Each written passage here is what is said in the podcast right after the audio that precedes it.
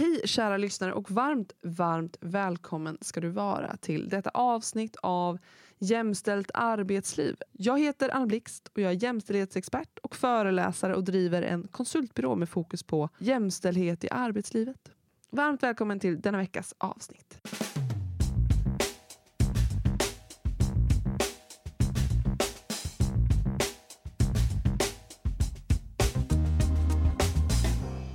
Dagens avsnitt av Jämställt arbetsliv ska vi prata om, eller ja, jag har döpt avsnittet till dåliga chefer, vilket kanske inte riktigt var det vi skulle prata om.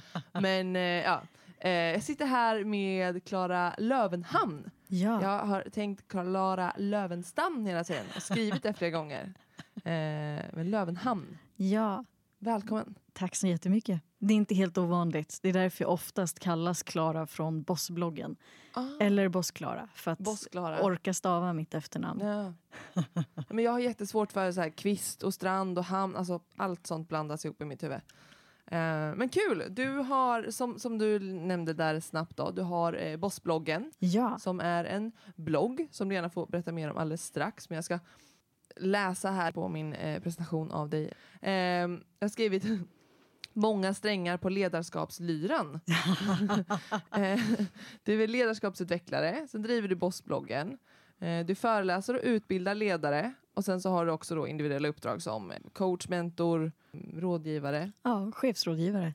Ja. Och sen så har du Facebookgruppen Bossbrudar med ganska många medlemmar. 2800 som jag har grundat Ja. och driver tillsammans med ett fantastiskt team.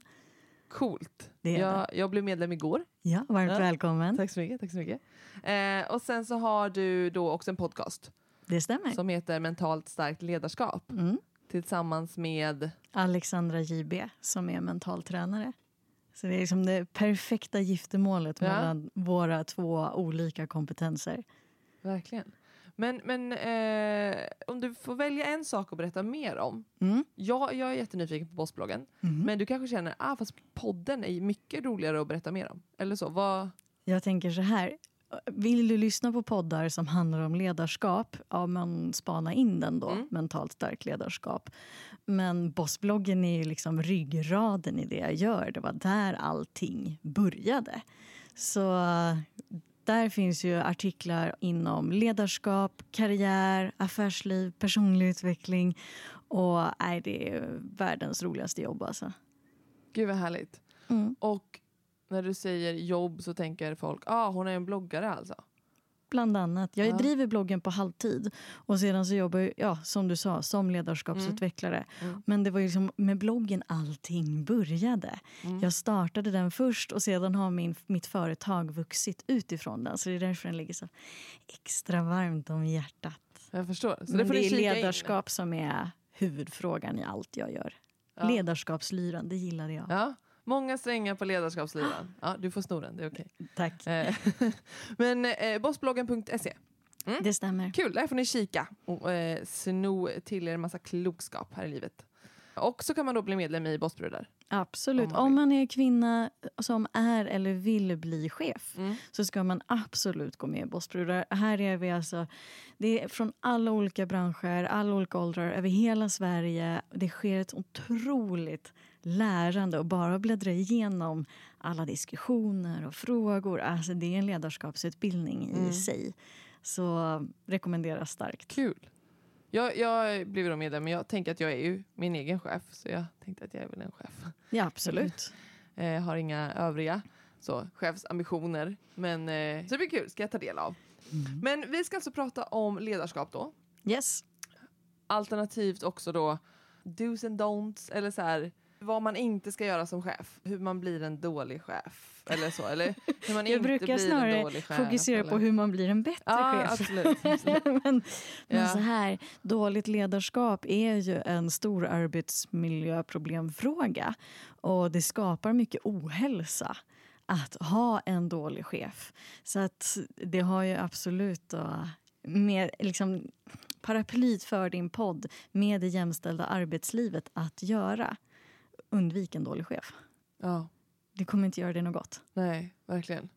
Eh, jag är ambassadör i, i Facebookgruppen Heja livet i jämställdhetsfrågor.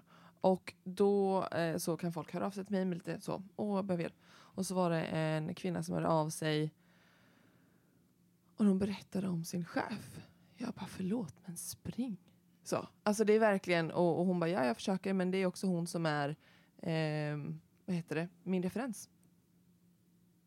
Vad gör man? Vilken rävsax. För att den personen vill jag kvar. Ah. Huh. Eh. Chefen har väldigt stor påverkan för oss i vår vardag, i arbetslivet.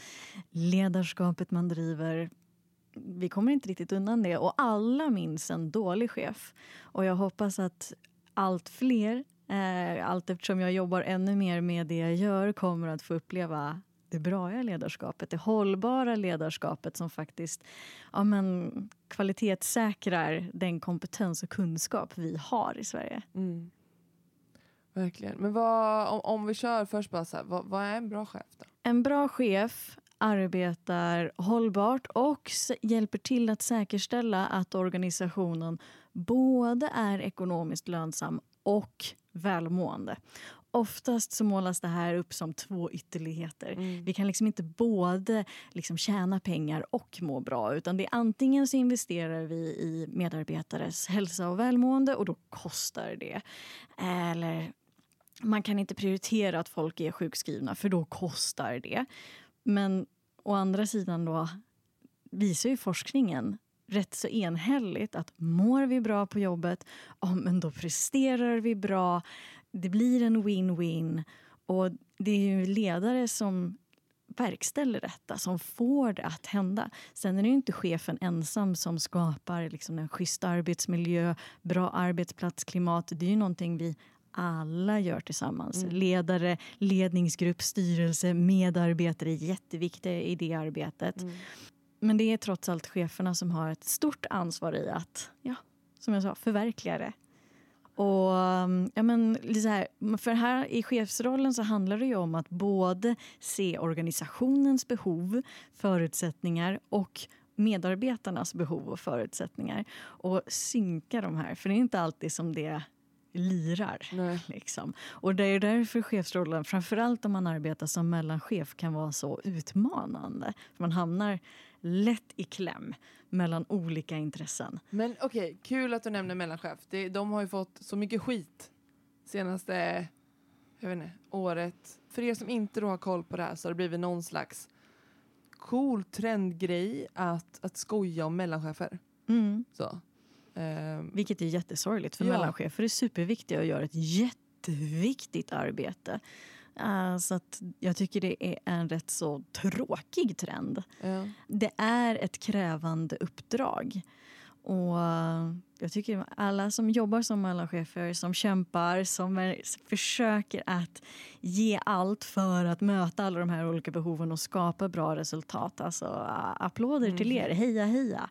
Det är en tuff roll. Men jag har en bild av att just mellanchefer, för jag har liksom funderat och diskuterat en del kring det här, varför får de så mycket skit? Och dels är det för att så här, men, jag har varit i organisationer där, ja ah, nu har vi fått en till chef. Att det liksom bara tillsätts. De fanns inte från början. Vi klarade oss fint och att de tillsätts så att det känns som så luftslott. Men också att det kanske känns som att en organisation inte satsar så mycket på sin mellanchef så de får inte ledarskapsutbildningar de utan de, de tillsätts på en tjänst. De kanske var den som presterade bäst i teamet eller någonting. Så nu blir du, nu blir du chef över teamet. Mm. Utan ja. att ta en minsta hänsyn till ledaregenskaperna. Ja. Eller då få rätt förutsättningar. Eh, och ja, jag håller med. Ibland är det så att organisationer bygger de här luftslotten genom att tillsätta chef på chef på chef. Mm. Där det kanske inte behövs. Man har inte gjort den behovsanalysen tillräckligt noga och ifrågasatt men va, va, varför gör vi det här och synat mm. det sömmarna. Men också då, för jag har sett genom åren när jag arbetat med, med detta och även tidigare i mitt arbetsliv sett det så många gånger hur personer både talanger och som har varit typ det här klassiska då att man är en duktig säljare och då får man bli säljchef mm. utan att reflektera över om personen är lämpad till att hamna i ledande roll eller mm. inte. Hur man bara liksom så här, typ, lite slängs in i rollen och, och så får man klara sig själv. Ja. Och så kanske man får, kanske, Man får en ledarskapsutbildning typ ett halvår senare och då har man redan hunnit göra så här massa onödiga missar. Ja. Lägga grunden för sitt ledarskap och då inte då, då är inte den s- liksom så stadig som den hade kunnat vara om man hade kunnat få kunskaperna innan.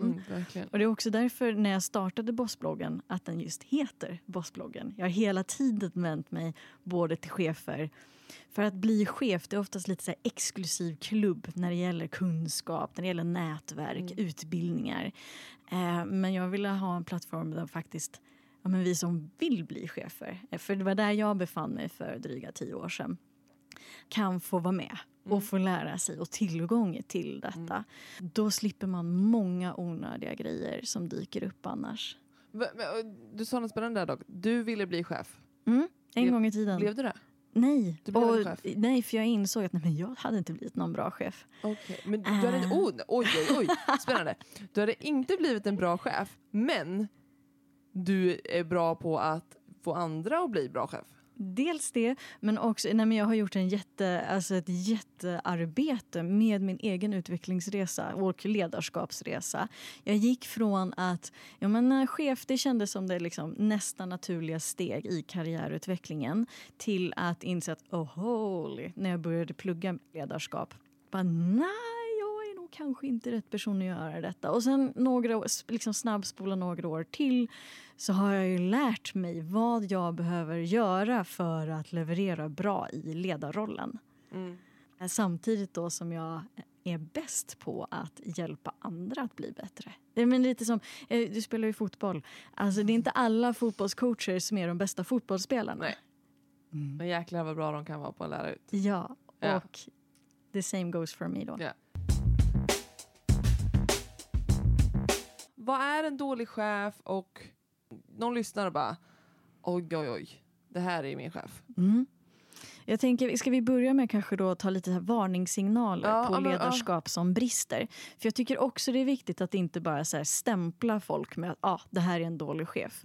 Eh, för vi vet kanske inte varför pre- personen presterar sämre i sin chefsroll. Nej, nej, alltså jag är ju, Eh. jag är ju verkligen så här, eh, när jag föreläser och också haft ett poddavsnitt tidigare om, om mansdominerade och kvinnodominerade yrken och så, att det är så här, chefer inom kvinnodominerade yrken har ju riktigt usla förutsättningar för att vara bra Exakt. chefer. Alltså det, det vet man liksom. Och också det här ehm, som jag eh, lärde mig nyligen, the glass cliff.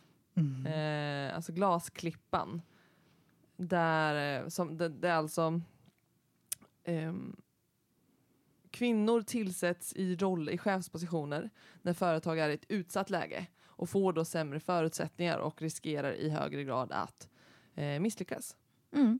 Typ så. Bra sammanfattning av Så- fenomenet. Ja, Och, nej, men, och av just den anledningen, så om man upplever att så mm, Eh, och varningstecken då på ledarskap som inte är bra eller inte fungerar är exempelvis att man, chefen är ständigt stressad. Det är tajta deadlines, det är dåliga förutsättningar, det är otydlig kommunikation. Det är ostrukturerat. Det kan också vara väldigt otydligt men vad förväntar chefen sig av mig som medarbetare och vad förväntar jag mig av medarbetare av chefen? Eh, man kanske inte håller sina utvecklingssamtal som man ska, Mm. bör, borde. Det kan också handla om detaljstyrande chefer som ska vara med och bestämma allt. Mm. Det kan vara chefer som istället för att delegera säger nej, nej, nej, men jag fixar det. Jag ordnar det. Eller, men det går nog snabbast om jag gör det Mm. själv. Eh, Det kan också handla om att chefer ah, men liksom bakbinder en som medarbetare genom att då ta ifrån en mandat, makten att fatta beslut. mm. Eh, att man som medarbetare förväntas liksom ah, bara göra själva jobbet. Ingenting annat, inget utvecklingsarbete. Och det här är ju så olika för olika personer. För det du tycker är dåligt ledarskap, det kanske jag tycker är skitbra ledarskap. absolut. Ja. Ehm, det vet jag någon gång när jag skrivit om auktoritärt ledarskap. Mm. Jag jobbar ju mycket med det situationsanpassade. Liksom. Om man, som chef behöver du anpassa dig efter medarbetare, efter team, efter organisation, olika behov i olika stunder. Mm. Men då har jag ju träffat personer som bara, nej men gud, nej, jag trivs inte alls i den typen av situationsanpassade ledarskap. Jag vill ha en chef som berättar så här, det här och det här och det här ska du lösa. Uh, gör så och så och så. Mm. Och så gör jag det och sen Mm. är det klart. Så det är ju inte så enkelt heller att det finns här, rätt och fel. Det är klart det finns rätt och fel när det handlar om ledarskap. Men ledarskap utspelar sig många gånger i gråzoner. Ja. Och det beror på. Upplever du att chefen inte lyssnar på dig? Inte bryr sig om vad du tycker och tänker? Har noll koll på verksamheten och hur den funkar? Inte har koll på vad du gör, vad du kan och vad du vill göra framöver? Inte kommunicerar ordentligt? Ja, inte har så mycket ordning och reda överlag? Stressad, ruschad, forcerad, kör sitt eget race. Vi kan fortsätta all evighet. Ja, just det. Ja, verkligen. Men jag vill också den ehm, dålig delegeringschefen. Man måste kunna delegera till andra. Mm. Dels för sin egen skull, att inte liksom, köra in i väggen. Har man för mycket kontrollbehov så det går ju liksom inte bra. Nope. Eh, men också för andra. Lita på andra, låt dem utvecklas. Ehm, för det är också, det är säkert en del chefer som lyssnar på det här. Så vad har, man, vad har du för ehm, tips och tankar till, till dem då? Folk som är chef redan. Sträva efter att göra dig så umbärlig som möjligt. Mycket bra. Kul. Också fint ord. Ja, Alltså visst är oumbärlig är ett vanligt ord. Ja. Men umbärlig. Mm. Och, Jättefint. och som ledare är det så, så viktigt att göra sig så umbärlig som möjligt. Du ska inte behöva vara på plats 24-7 för att verksamheten ska fungera. En umbärlig ledare ja, men delegerar, coachar och utför. Det är inte så att man bara liksom, ger bort alla sina arbetsuppgifter Nej, och drar. Liksom. Men man är närvarande. Och man bygger team som är starka, som arbetar långsiktigt där medarbetare har kompetensen och förmågan att lösa det som dyker upp själv. Mm. Så man inte måste komma till chefen med varendaste fråga. Så att man pratar med varandra i, inom teamet då istället för att det första man gör är att gå till chefen och berätta det här och det här och det här. Eh, hur ska jag göra? Exempelvis. Ja. Mm. Ja, verkligen. Jag vet, min sambos pappa har sagt att eh, han, eh, ska man säga, att han, han försöker se till så att någon annan vet lika mycket som honom i en organisation. Så att han kan gå från ena dagen till den andra och någon annan kan ta över det. Att man liksom ska sträva efter det. Någon Ja. vet lika mycket som du. Och den dagen du känner att du undanhåller information för att just göra dig oumbärlig, för att känna så, då ska man gå vidare. Det kan absolut vara en eh, signal om att det är dags. Ja. Det kan också vara en Man signal börjar, man att börjar känna något... sig hotad i organisationen på något sätt. Ja, antingen det eller så reder man ut varför man känner sig hotad. Ja, ja men precis, men då går man vidare på något sätt. Alltså, man kan inte vara kvar i den situationen. Liksom, man måste, Nej, för börjar man agera i, i liksom utifrån läget där man känner sig hotad, otrygg, Mm. osäker, ja, men då kommer ditt ledarskap att påverkas Mm. negativt. Och eftersom vår roll som ledare är att ja, men, bidra till den här tryggheten, grundtryggheten då i form av att ja, men, som medarbetare får jag, jag drabbas inte av repressalier om jag är fel. Jag vet vad som förväntas av mig, jag vet vad som inte förväntas av mig, jag känner omgivningen och så vidare.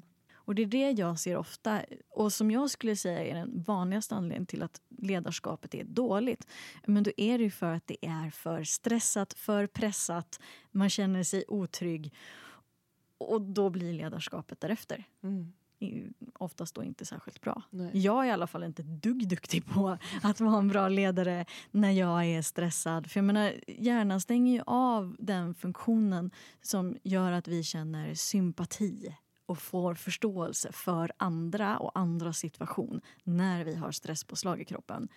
Det är naturligt, det är så det ska fungera. nej. Jo, men om ni tänker oss in då, Nej, men jag långt tänker tillbaka ju på i savannen. mitt liv.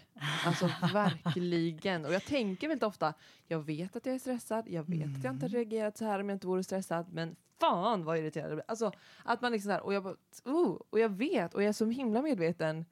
Och jag liksom bara biter ihop och bara, det är inte den här personens fel, det är inte den här personens fel. Och det är också då väldigt ofta min sambo. Så. Och så är det ju, våra, våra familjerelationer är ju liksom en sak, men på jobbet då är det inte konstigt att det uppstår konflikter, missförstånd, Nej. irritation, frustration om det är vårt utgångsläge. Mm. Och jag menar, som chef, men även som medarbetare behöver man vara medveten om okej, men jag reagerar så här på stress. Till exempel för min egen del.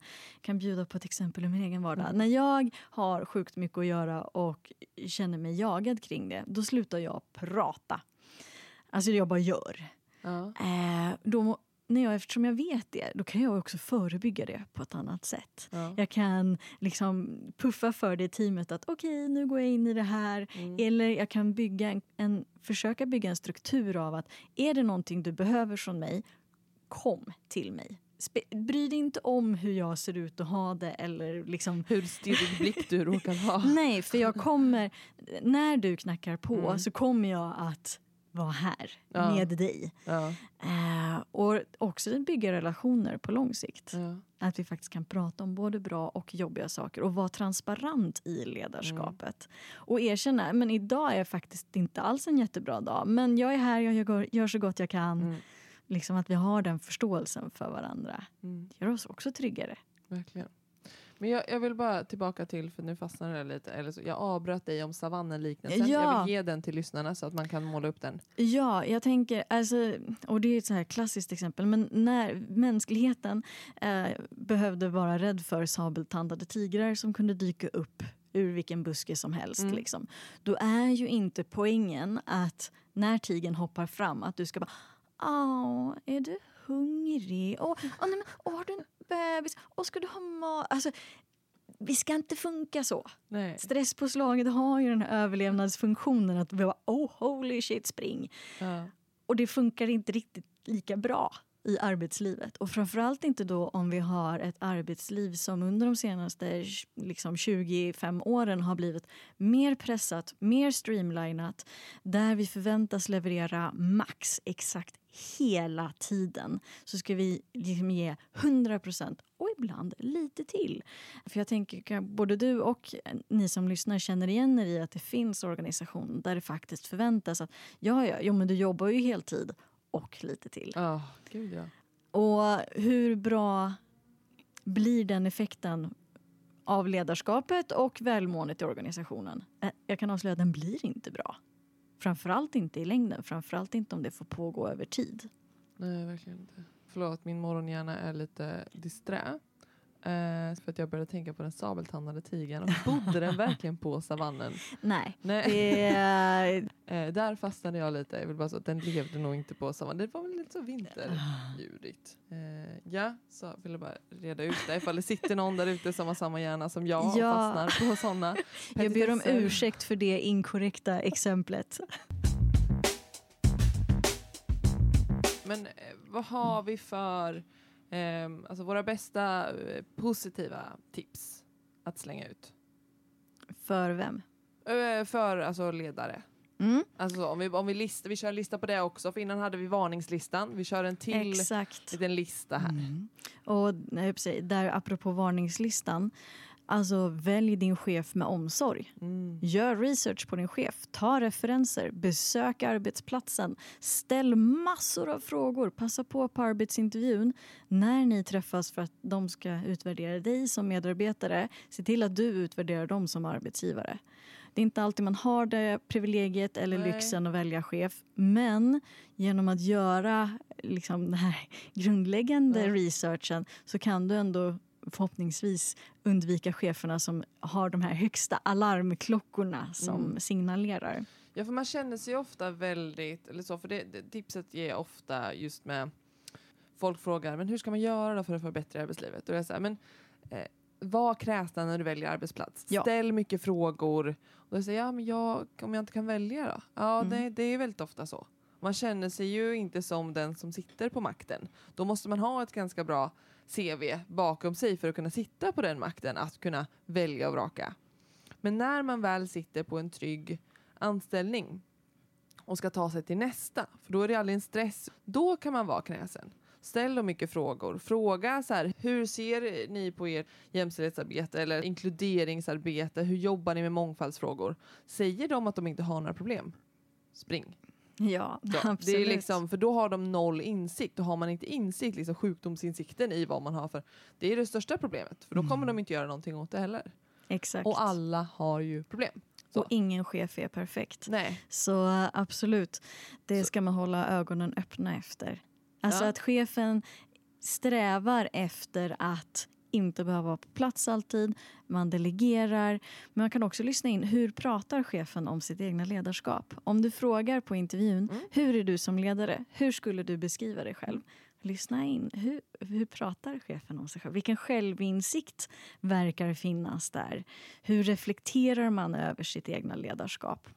Och kan vi ge något litet exempel? Där? Det kan exempelvis vara, eh, och det här är ett hypotetiskt fall, att chefen bara ja, jag tycker det är väldigt viktigt med teamkänsla. Det har man sagt, teamkänslan är viktigast av allt tidigare intervjun. Och sedan när man pratar om det egna ledarskapet så är det jag och mina medarbetare. Jag som chef och mina medarbetare Ah, okej. kan ju skvallra lite om synen, hur man ser på sig Ja. själv. Det här är alltså, någon slags stringens i hur man pratar om saker. Ja, och att man liksom lyssnar i hur man beskriver saker. Jag menar, om en chef... Eh, nu tror inte jag det är särskilt många som gör det på själva arbetsintervjun när man är väl inne i arbetsplatsen. Pratar om kollegor eller andra avdelningar eller andra medarbetare som typ så här, Åh, jobbiga, obekväma.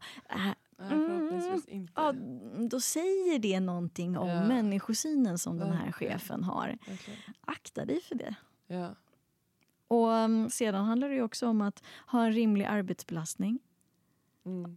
Både då som chef, om man har ett bra ledarskap, då ser man ju till att både ens egen och medarbetarnas arbetsbelastning är rimlig, relevant, det är tydligt. Mm. Vad förväntar jag mig av dig? Vad ska du förvänta dig av mig? Vad behöver vi från varandra för att det här samarbetet ska funka? Mm. Man kan ha en schysst balans mellan det här med att vara professionell och personlig men inte privat. Det är ju olika för alla personer var vi drar de gränserna, var Verkligen. vi känner oss hemma. Bra, en bra ledare tar hand om sig själv. Jag och Alex pratar om det mycket i podden, det Ja. mentalt starka ledarskapet. Ja. För ledarskap handlar ju inte om oss som ledare. Det handlar ju om teamet, om organisationen, sätta deras behov främst. Mm. Och att kunna göra det utan att för den saken skull liksom utplåna sig själv. Att man har den mentala styrkan att kunna stå stadigt, stötta, hjälpa, bidra.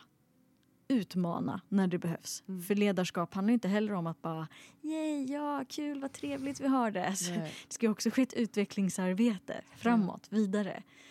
Och, så, och det är ju någonting som verkligen också, det blir ju lättare. Ju mer resurser man har, desto lättare blir det ju. Så det är återigen tillbaka till det här med alltså, de yttre förutsättningarna. Har man jättemycket resurser så är det så här, ah, men åk iväg på den här utbildningen. Och nej, men ni tar det lite lugnt. Alltså, Absolut. så mycket lättare det är. Så det är också så här, vill du bli chef, bli chef i ett företag med bra resurser. Alltså. Ja, definitivt. Jag gjorde eh, under min ledarskapsutbildning så intervjuade jag unga kvinnor som Mm. var intresserade av att bli chef. Och alla sa entydigt liksom att ja, jag vill bli chef men bara om förutsättningarna är rätt, om organisationens värderingar lirar med mina egna och jag får liksom ah, rätt grejer till att göra ett bra jobb och Mm. rätt stöd till att göra ett bra jobb. Annars, mm, Nej, det gör jag inte. Det är Nej. inte värt det. Det är inte Nej. lönt. Alltså då är det verkligen en uppoffring. Blir chef för, chefens, eller för chefskapets skull. Mm. Och sen så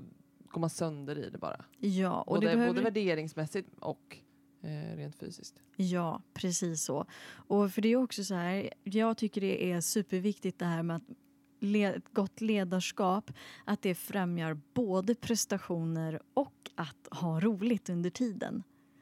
Det Mm. måste inte vara antingen eller. Och självklart, man kan inte ha jättekul på jobbet jämt. Det är inte alla arbetsuppgifter som är roliga hela tiden. Men alltså, varför ska vi ha det tråkigt om vi kan ha roligt? Liksom? Ja. Alltså, nej, men, det, man kan vara professionell och seriös och samtidigt ha det skoj under tiden. Verkligen. verkligen. Vi, det är dags vi, att eh, nyansera det. Liksom. Vi kör, jag kan ju lansera så här, en bra grej för företag. kanske inte funkar överallt. Men vi kör danspauser på vårt kontor. Jag delar kontor med lite andra egenföretagare. Då kör vi danspauser på dagen. Man skrattar, har kul, kör så här tre, fyra minuter. Alltså typ en låt. Eller så kör man en riktig ballad, skriker, eh, har hög musik och bara så här stretchar typ samtidigt. Jättekul om man blir så energifylld och sen kör vi fokus. Ja, Man jag, behöver inte stå och jag dansar också. Ja, ah, kul! Men hemma själv då, Ja. på mitt lilla kontor. Ja. Men, eh, men absolut, alltså, den typen av små grejer Mm. som liksom bara lättar upp stämningen. Ja. Ja, verkligen. Lite extra fika. Så. Oj, det är tisdagsfika idag. Oh, va? Kul! Precis. Eller bara liksom en så positiv feedbackskultur. Det handlar Mm. inte om att man aldrig ska utveckla saker, att man inte kan göra saker bättre. Men att faktiskt, så här, fan vad grymma vi är som gör detta. Mm, Mm, vad bra vi är. High five på den. verkligen. Lite mer eh, volleybollmentalitet. Om någon har kollat på volleybollspelare. De high-fivar efter exakt varje boll. Eh, de peppar varandra oavsett hur dåligt det går. Jag har verkligen försökt. Det blir när man gör fel så bara oj förlåt. Nej, nej, nej, nej. Pepp, pepp, pepp. Alltså, volleybollmentaliteten till alla. Jag har ingen, kan ingenting om volleyboll, Nej, så- men, det, är låter rimligt. alltså, Om man kollar absolut. på dem, de bara Mm. så här, hejar hela tiden, klatschar. Men när man försöker själv när man gör någon slags lag, alltså det kan vara att man står och kastar kubb liksom. Men gör man fel, det är inte som att man då yes och high five. Mm. Eller fel, men alltså när det blir lite så. Så volleybollmentalitet på arbetsplatser, alltså mer det här det positiva peppandet i, i liksom, alltså att man får in det som, så här, men som så här, en, en hel jargong, att ha den positiva feedbackkulturen. Mm, absolut. Och, och det är också en balansgång mellan att liksom forcera fram det och Mm. liksom... För Oh. jag menar, vi kan ju inte vara Oh. pepp hela tiden. Men Det tycker jag också. lite, absolut. Och f- såna här ehm, oh yeah, jag, jag kan inte ens förklara. men du vet, alltså, som sagt, forcerade sådana arbetsplatser. Ja, när det ska vara så inspirerat Ah. hela tiden. Oh. Alltså inspiration kan vara ett viktigt verktyg men det är absolut inte allt. Och som ledare eh, är det ju viktigt att absolut vi ska ha en bra stämning, schysst stämning. När jag menar positiv feedbackkultur så handlar det ju om uppmuntran, höra, se, bekräfta varandra, eh, vara närvarande som chef även om man är umbärlig. Mm. Eh, och jobba framåt tillsammans. Eh, så att jag, det vill, känner jag att jag behöver förtydliga lite. Jag vill inte att vi ska gå runt och bara wow Nej. hela tiden. För, alltså det, det är inte det Nej. det handlar om. Nej, nej. Men, Men bara har- det här. Hej, snyggt jobbat. Ja, exakt. I det lilla Ja. liksom. Verkligen. Eh, för det kan också gå väldigt mycket inflation i. Och studier har ju också visat det att karismatiska ledare är inte nödvändigtvis de bästa ledarna i organisationer. Nej, nej, det, är ju, det lärde jag mig nyligen. Att det är karismatiska ledare, eh, de, man tycker om dem först och, ha- och får då väldigt höga förväntningar. Men sen så blir det plattfall för att de, de lever på sin karisma och inte på Ja. eh, alltså det de utför. Mm. Och som ledare handlar det mycket om så här, ordning och reda. Vem gör vad? Hur gör vi det? Hur ska vi arbeta framåt? Hur når vi våra mål? Ja, min ledarskapsmodell heter ju Bosskartan för att den baseras på en skattkarta. Och det sammanfattar också så här, vad ledarskap handlar om väldigt bra. Men vi har ett kryss, vi har ett mål som vi ska nå. Ja. Vi vet varför vi vill dit, vi vet vad vi är i förhållande till och nu ska vi lösa det här tillsammans. Gud vad kul. Men kan man, kan, man, kan man anlita dig som ett företag då som så här, ah, men nu har vi några typ konsulter här som vi vill ska bli lite bättre. Kan de anlita dig då så utbildar du alla deras konsulter i ledarskaps... Absolut. Så, eller bättre med alltså utvecklas i det. Ja. Definitivt. Mm. Jag utbildar inom ja, företagskulturen och Mm. just den typen av Ja, men jag workshops. tänker, du har liksom en färdig ledarskapsutbildning också som man kan... Det Mm. har jag. Och skräddarsyr ja, svåra samtal, konflikthantering, ny som chef, Ja. you name it. Vad härligt, kul. Men ska vi, ska, vi, ska vi sammanfatta de här tipsen som vi hade här nu då? För Mm. nu blev det lite så. Så vi börjar med det första som var... Gör dig umbärlig. Delegera. Se till att både du och medarbetarna har rimlig arbetsbelastning. Ta hand om dig och din hälsa så du kan göra ett bra jobb som chef. Se till att ni både presterar och har roligt. Sist men absolut inte minst, ta hand om medarbetarnas hälsa så att organisationen kan thrive, ja, frodas. Ja, härligt. Vi avslutar på en eh, svengelsk eh, liten note. Se vad som händer när man tar två morgontrötta hjärnor och slår ihop dem. Tack så jättemycket. Eh, jättebra lista, eh, jättebra bra tips till folk ett, eh, och, och tack för, tack för ehm, allt. massa klokskap, massa, massa kunskap och som sagt, du har alltså du har Bossbloggen, du har Mentalt starkt ledarskap, podden och det finns bossbrudar som man kan gå med i och väldigt massa kunskap att ta del av helt enkelt. Yes, och jag menar kunskap ska ju vara tillgängligt för så många som möjligt. Så Det gillar vi. Ja, vi gör ju det. Det, det är ett viktigt, viktigt grepp att ta sig an när det kommer till jämställdhet och jämlikhet. Tack för att du har lyssnat på detta avsnitt om ledarskap. Jag har lärt mig något nytt. Jag hoppas att även du har gjort det. Som vanligt, om du gillar podden, in och prenumerera, recensera, dela med vänner så att fler får lära sig mer om vårt ojämställda arbetsliv. Tusen tack för att ni lyssnar, för att ni är så fina. Ta hand om er, ta hand om varandra. Puss och kram. Hej, hej. Det här avsnittet har klippts av Sofia Svandi från Mill Meadow Media.